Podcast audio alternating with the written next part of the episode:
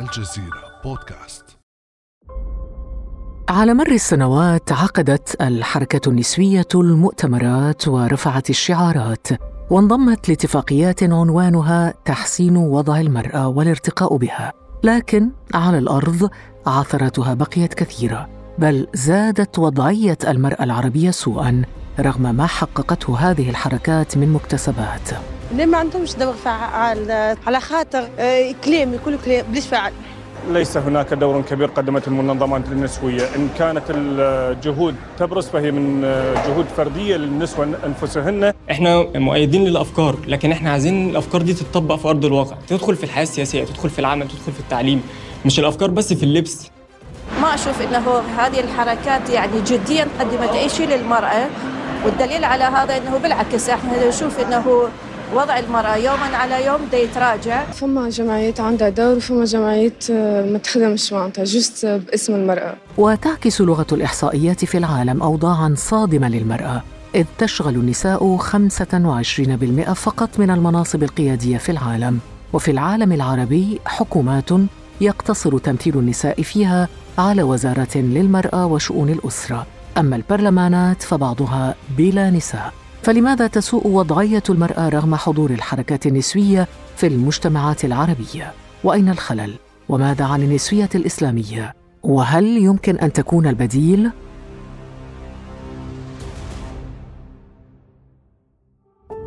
بعد أمس من الجزيرة بودكاست أنا خديجة بن جنة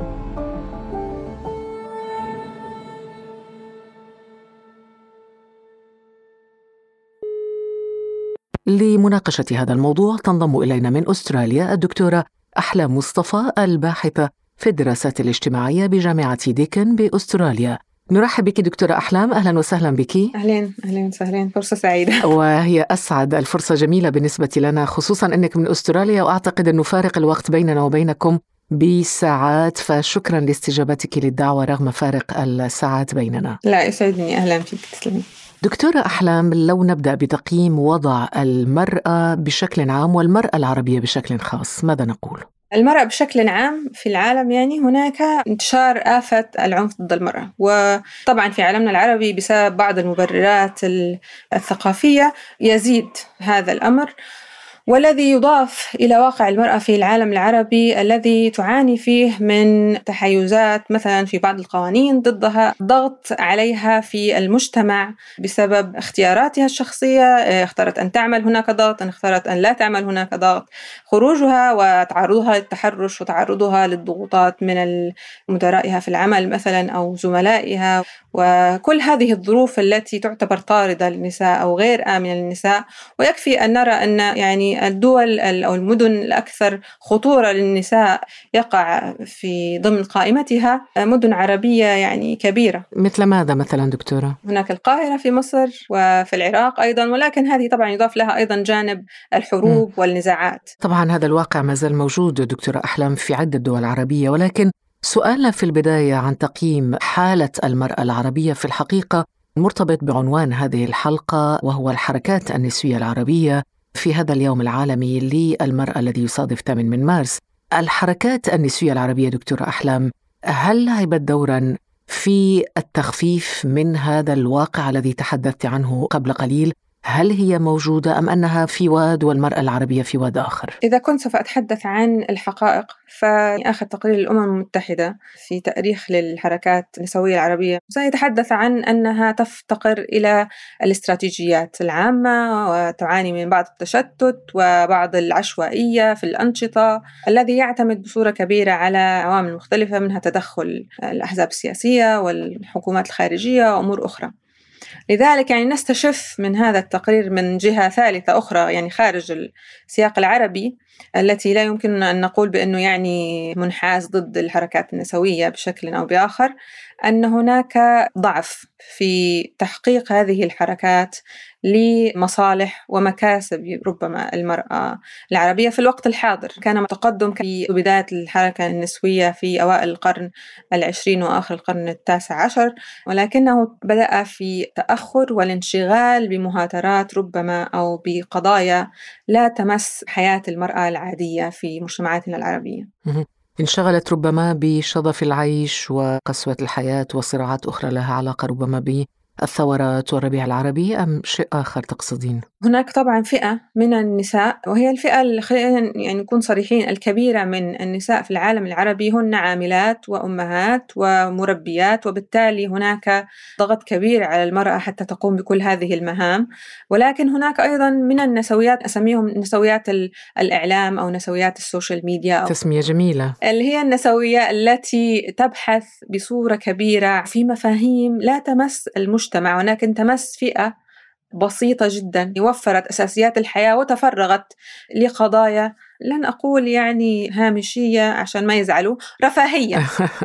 أنت تعترضين دكتورة إذا على نسويات ال social media؟ يعني أكيد أكيد طبعا لأنه هناك إيه، لكن هنا ربما لا نشير إلى حركات نسوية. أنت تشيرين إلى الفاشينيستا وإلى النماذج النسائية الموجودة على ال social media. لكن لا ليس فقط. ولكن حتى من تسمي نفسها أنها مناصرة للمرأة والنسوية ونشاطها يكون بصورة أساسية على منصات التواصل ولا تتبع مثلا منظمة أو مؤسسة. وللأسف هو منطلق بصورة كبيرة من تصورات عن ما يسمى هو في الأكاديمية نسميه لي ثيوري بمعنى النظرية العشوائية التي تنبت من المجتمع. يعني نظرية يعني ليس لها أسس واضحة. عندك أمثلة دكتورة؟ للأسف أنا مرت من أمامي واحدة يعني شخصية تعتبر نفسها نسوية وكانت تناقش شخص يعني في منتهى الأكاديمية وال والرسوخ يعني. فوجدت أنها تقول هو يسألها يعني أنت نسوية؟ قالت نعم. وإلا ليش لابسة فستان لونه بينك فأنا يعني انصدمت من من التبرير. يعني حرام إنه الرجل يلبس بينك أو المرأة تلبس أزرق مثلا. يعني هناك للأسف تسطيح كبير لفكرة النسوية. ليس فقط لون البينك اللون الوردي مخصص للنساء. يعني لا ندري من الذي يختار اللون الوردي للمرأة. نعم. من الذي يختار هذا العطر للمرأة؟ من الذي يحدد اختيارات المرأة في أشياء بسيطة مثل اللون والعطر وغير ذلك فما بالك بالأشياء الكبيرة صحيح صحيح طبعا الآن لو عدنا ودخلنا في عمق الواقع الذي تعيشه المرأة العربية العيب في من؟ في المرأة؟ في الحركة النسوية؟ في الدولة؟ في القوانين؟ في ماذا؟ في كلهم مع بعض ولكن خلينا كمان نشير إلى أن وضع المرأة حاليا هو بصورة ما امتداد لوضع الفرد في المجتمعات العربية بشكل عام ووضع المجتمعات هو بصورة ما امتداد للواقع الذي تعاني منه الدول العربية منذ الاستقلال لأن هناك بعض المنظومات التي وضعت أثناء وبعد الاحتلال التي تنزع إلى أحادية الرأي والاستبداد مثلا أو الحجر على حرية الفكر وحرية الأبحاث حتى والتعبير. وهذه كلها تؤثر على كل أفراد المجتمع بما فيهم المرأة. هناك بعض النظريات تقول بأنه قهر الرجل مثلا للمرأة هو نتيجة لقهر المؤسسات للرجل وقهر الدولة للرجل. فهو يبحث عن متنفس. طبعا هو ليس السبب الوحيد ولكنه ربما شيء يجب أن نضعه في عين الاعتبار. فبالتالي هذه الفئات المتنازعة في وطننا العربي ربما نجدها في المجتمعات الغربية تعمل معا. ونحن للأسف لا نستطيع أن نفعل ذلك لأن هناك تعصبية فكرية وثقافية أنه والله النسويات ضد الدين الإسلامي من يتبنى الفكر الذي فاضل بين الرجل والمرأة بصورة ما هو الذي يدافع عن تعاليم الدين الإسلامي. لكن هذا لا يمنع نعم. دكتورة من القول أنه هناك فعلا حركات نسوية في العالم العربي متأثرة بالفكر الغربي وفعلا تطالب مراجعة الكثير من النصوص الدينية. وفي الوقت نفسه نجد أيضا حركات نسوية إسلامية بالعكس. يعني هذا ما سميته قبل قليل سميته بالاضداد فهذان الضدان موجودان على أرض الواقع. لكن أيهما أكثر نشاطا وفعالية برأيك؟ حركة النسوية العربية التي لا, لا تتبع الفلسفة الإسلامية لنقول ذلك يعني هم الأكثر ظهورا على الساحة. مؤخرا مع سهولة الوصول لوسائل الاتصال والشبكات الاجتماعية بدأت تظهر شخصيات نسائية يعني بمظهر إسلامي وتتحدث في قضايا المرأة وطبعا بدأت المسميات تطلق عليهن. مثل من؟ الدكتورة أميمة أبو بكر مثلا. هناك من لا يسمي نفسه يعني إسلامية نسوية ومع ذلك يطلق عليها هذا اللقب مثل الدكتورة هبة رؤوف. نعم هي معروفة ونتمنى أن نستضيفها في يوم من الأيام أيضا في حلقة من الحلقات لكن هذه الرموز النسائية التي تنشط ضمن ما سميناه قبل قليل بالحركات النسوية الإسلامية وإن كانت بشكل رسمي هي لا تنتمي إلى أي حركة من هذا القبيل هل ترينها دكتورة أحلام تملأ الفراغ الموجود على الساحة في هذا المجال؟ لا تملأ الفراغ لأن قدرتها على الوصول للجمهور ليست كبيرة بعد. يعني أغلبهم ما زالوا في مرحلة التأسيس الفكري قبل أن ندخل في مرحلة توصيل الأفكار للمجتمعات بصورة كبيرة. ألا يمكن أن نقول أن الإثارة الرئيسية الموجودة لدى هذه الحركات والتي لا تجعل أو لا تسهل انتشارها بشكل كبير يعني هي ثغرة متعلقة بالحريات أو هامش الحريات الذي تنشط فيه هذه الحركات النسائية المقيدة في الحقيقة كما يرى كثيرون قيود اجتماعية ودينية وتراثية وفقهية وثقافية؟ طبعا طبعا. وأيضا يدخل فيها المؤسسات الدينية حتى نكون صريحين. هناك نوع من أنواع رفض التقبل أن يكون للمرأة دور واضح في الاجتهاد في ناحية الدراسات الإسلامية. أذكر مثال أنه في مصر بقيادة الدكتورة أميمة أبو بكر اللي ذكرناها. كان هناك آه، ما يسمى بإعلان الإسكندرية عام 2014 وهي وثيقة عملت عليها مجموعة من النسويات الإسلاميات وكان سوف يعلن عنها الأزهر ولكنه تراجع في اللحظة الأخيرة ونشروها هم يعني فيما بعد. ولم يكن فيها أي شيء منافي لقيم الدين الإسلامي ولكن فيها مراجعة لمبدأ القوامة مثلا ربما هو هذا السبب الذي جعل السلطة الدينية تتراجع ربما تتخوف من رد فعل الناس عليها يعني. طيب حتى لا نحتكر النقاش لرأي واحد دكتورة لنستمع إلى رأي آخر مختلف. هذا الرأي يرى أن الحركات النسائية العربية بالعكس قامت بدورها وأكثر في إنصاف المرأة والدفاع عنها. وهنا تتحدث الأستاذة سعيدة الإدريسي وهي ناشطة نسوية مغربية ورئيسة جمعية النساء الديمقراطيات في المغرب.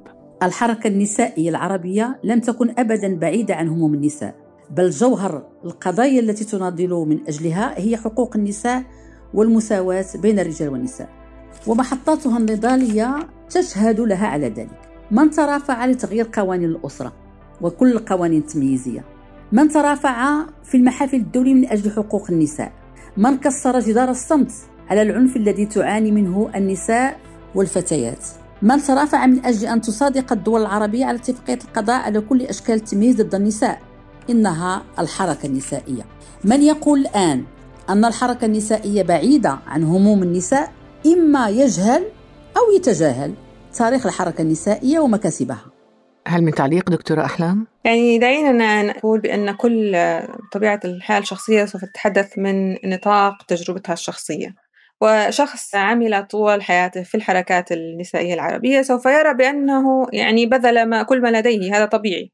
إنما نحن لنا كما ذكرت في الواقع والحقائق. آه، أنا لا أنفي أن هناك دور كبير لعبته الحركة النسوية العربية في بداياتها خصوصا أيام هدى شعراوي ونبوية موسى وغيرهن ممن اتخذن الحركة النسوية كجزء من نضالهن المجتمعي والأممي. هذه النماذج هل تأثرت بالنسوية الغربية؟ هل يعني كأننا يعني نقوم بعملية نسخ لصق copy paste للنسويات الغربية؟ على خلاف ما السائد النسويات العربيات في زمن هدى شعراوي تحديدا التي ذهبت وشاركت في مؤتمر النسوية العالمي كان لديها كثير من التحفظ على النسوية الغربية بل واختلاف معها بسبب رفض النسويات الغربيات في ذلك الوقت إدانة الاحتلال البريطاني في مصر فكان لديها إحساس بنقل الإحباط لأنها توقعت أنه سوف تذهب وتجد الدعم يعني. وهو الأمر الذي الآن آه، في قرن الواحد والعشرين صارت النسوية الغربية أو ما يسمى بالنسوية التقاطعية تنادي به أي توحيد النضال بين النسويات وحقوق العمال وحقوق الأقليات. وحتى قاسم أمين الذي آه، يتحلى بسمعة غير جيدة في وسطنا العربي والإسلامي كان كتبه المتعلقة بالمرأة تنبع من ثقافة إسلامية. وثقافة عربية وليست ثقافة غربية كما هو الشائع يعني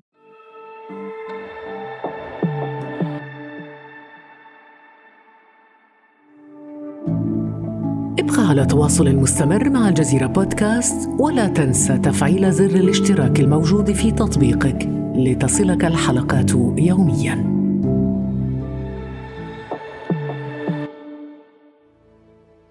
في نفس هذا السياق دكتورة أحلام آه، يجب أن نشير إلى أنه أمام تعثر الحركات النسوية العربية ذات المرجعية الفكرية الغربية في تحسين أوضاع المرأة العربية هناك تساؤل رئيسي عن النسوية الإسلامية ومعالمها وهنا دعينا نستمع للدكتورة أميمة أبو بكر وهي أحد رموز النسوية الإسلامية ثم نعود إلى النقاش.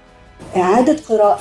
المصادر الإسلامية لنقد التراث الإسلامي. فده موقف نقدي ولكن موقف نقدي بنائي. يعني بننقد من أجل إن إحنا نقدر ننتج أو نعيد بناء معرفة إسلامية مساواتية بالأساس مشروع فكري وتيار بحثي. مشروع فكري وتيار بحثي حسب الدكتورة أميمة أبو بكر. لكن هذا المشروع لم يتطور إلى الآن أو لم يتبلور بشكل واضح في شكل حركات نسائية إسلامية ناشطة وفعالة. في المجتمعات العربية لماذا؟ هناك الكثير من العوامل منها أنها ما زالت في طور التشكل والتكون بلورة الأفكار وصياغتها في صورة يمكن توصيلها للمجتمعات الإسلامية بصورة تتقبلها هذه المجتمعات ربما يضاف إلى ذلك أن هناك حملات تشويه مستمرة ودائمة فهناك من يهاجم النسويات الإسلاميات من الطرفين. يعني الليبرالية تهاجمهن باعتبارهن مساومات في الفكر النسوي والحركات الإسلامية بعضها يعني يعارضهن من باب أنهن يقومن بتمييع الإسلام. وهناك الثقافة العربية السائدة التي يعني تبجل التقاليد بصورة كبيرة عن تجربتي الشخصية. أي فكرة حتى أشاركها أتعرض فورا لجموع من من الأفراد بكل أنواع التنمر. طبعا هذا التنمر موجود دكتورة أحلام ويعني معسكر الرافضين لأي تصحيح للوضع طبعا مستنفر هذا المعسكر خصوصا على ال social media. لكن نعود إلى صلب موضوعنا وهو أوجه الاختلاف بين النسوية أو النسوية الإسلامية والنسويات الأخرى. هل هناك اختلافات كبيرة أم نتحدث فقط عن يعني اختلاف المرجعيات. هناك طبعا الاختلاف الأساسي هو اختلاف المرجعيات. النسوية الغربية جاءت كرد فعل على موروث غربي متوارث من الفلسفة اليونانية. نحن بالنسبة لنا في العالم الإسلامي ليس هناك هذه الخصومة بين المرأة والدين ولكن الخصومة ربما تكون بين تطبيق بعض العناصر وبين سيطرة العنصر الذكوري على هذه السرديات الإسلامية. فبالتالي الفروق المرجعية موجودة ولكن ربما تكون كما الفرق أيضا الواضح هو في تبني نظرة تكاملية للعلاقة بين الرجل والمرأة. يعني كم كالفلسفة نعم. إسلامية. هذه السيطرة الذكورية ما زالت موجودة وهذا يحيلنا إلى سؤال مهم عن فرص نجاح النسوية الإسلامية طالما أنه هذه السيطرة الذكورية على كل ما له علاقة بالمرأة ما زال موجود. هل يمكن أن تنجح الحركات النسائية الإسلامية في تحقيق أهدافها؟ ممكن لأن التغير هو سنة إلهية الأفكار سوف تأخذ وقتها. هناك الكثير من الممارسات كانت مقبولة أو مرفوضة. يعني تعليم المرأة كان حدثا نادرا في بدايات القرن العشرين مثلا. التغيير موجود ولكن صعوبة التغيير تكمن في المؤسساتية. ماذا تقصدين بالمؤسساتية؟ لأن النسوية الإسلامية تناقش بعض الأفكار التي يتم وضعها في سياق تشريع الإسلامي.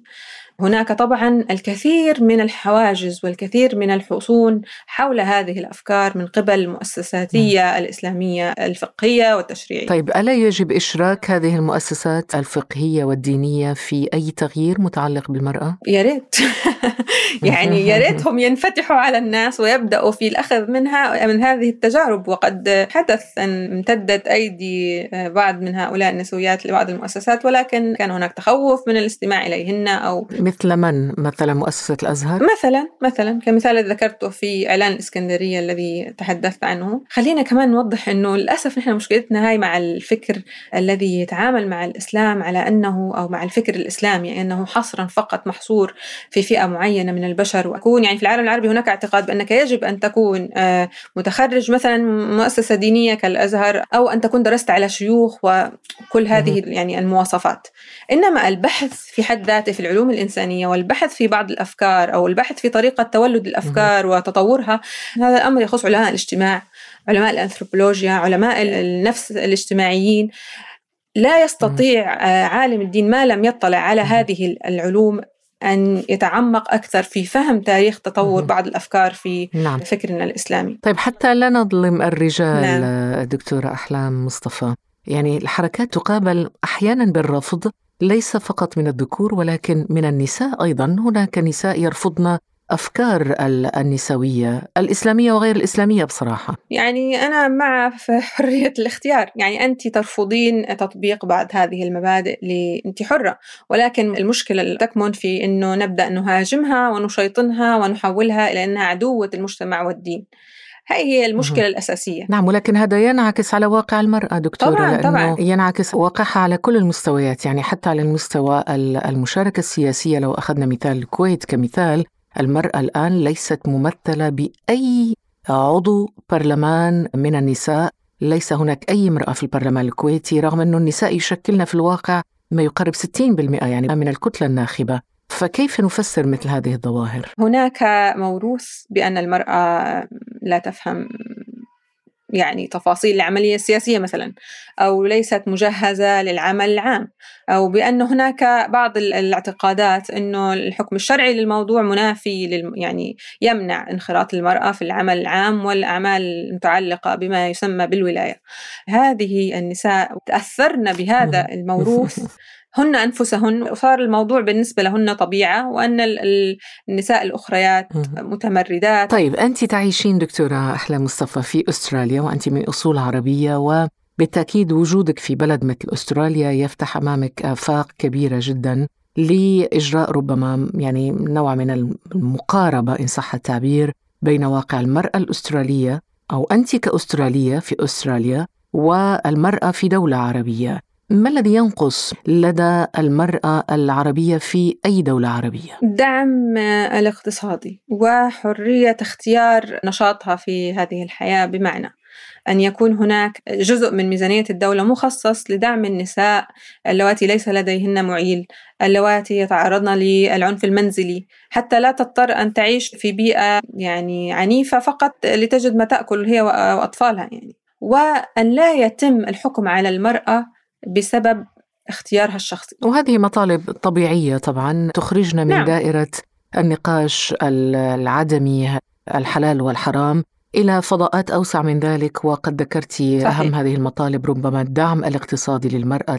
وعدم تعنيفها واحترام حريتها أو اختياراتها الشخصية. هذا نقاش جميل دكتورة أحلام ولكن ربما يجب أن يتأسس على فكرة مهمة ورئيسية في الحديث عن النسويات الإسلامية وهي أنه هذه الحركات النسوية الإسلامية كيف تنظر إلى العلاقة بين الرجل والمرأة؟ الفرق أو الميزة الأساسية في النسوية الإسلامية أو خلينا نحكي النظرة والفلسفة الإسلامية لقضية المرأة بشكل عام هي النظر إلى هذه العلاقة على أنها نظرة تكاملية يعني ليس كما ما هو شائع بين في المجتمع أن هناك علاقة حرب وتضاد بين المرأة والرجل وأن إذا كانت المرأة تسعى لتحقيق حقوق والحصول على حقوق النساء فهي ضد الرجل بصورة أكيدة يعني. لا ليس هذا التصور الذي تقوم عليه هذه الحركات وهي تنظر إلى العلاقة باعتبارها جزءان يكملان بعضهما ولكن يجب أن تقوم مبدئيا على الاحترام المتبادل والاعتراف بأن المرأة هي كائن مكتمل له حرية الاختيار والقدرة على القيام بهذه الاختيارات واحترام هذه الاختيارات دون الإحساس بأنها دائما في حاجة إلى من يقودها أو من يحاضرها فيما هو الأفضل بالنسبة لها في السياق العربي أو الإسلامي. لا يسعني في ختام هذه الحلقة إلا أن أشكر ضيفتنا الدكتورة أحلام مصطفى الباحثة في الدراسات الاجتماعية بجامعة ديكن بأستراليا شكرا جزيلا دكتورة أحلام. عفوا وشكرا على استضافتك. سعيدة جدا بهذا اللقاء. ونحن أسعد. كان هذا بعد أمس.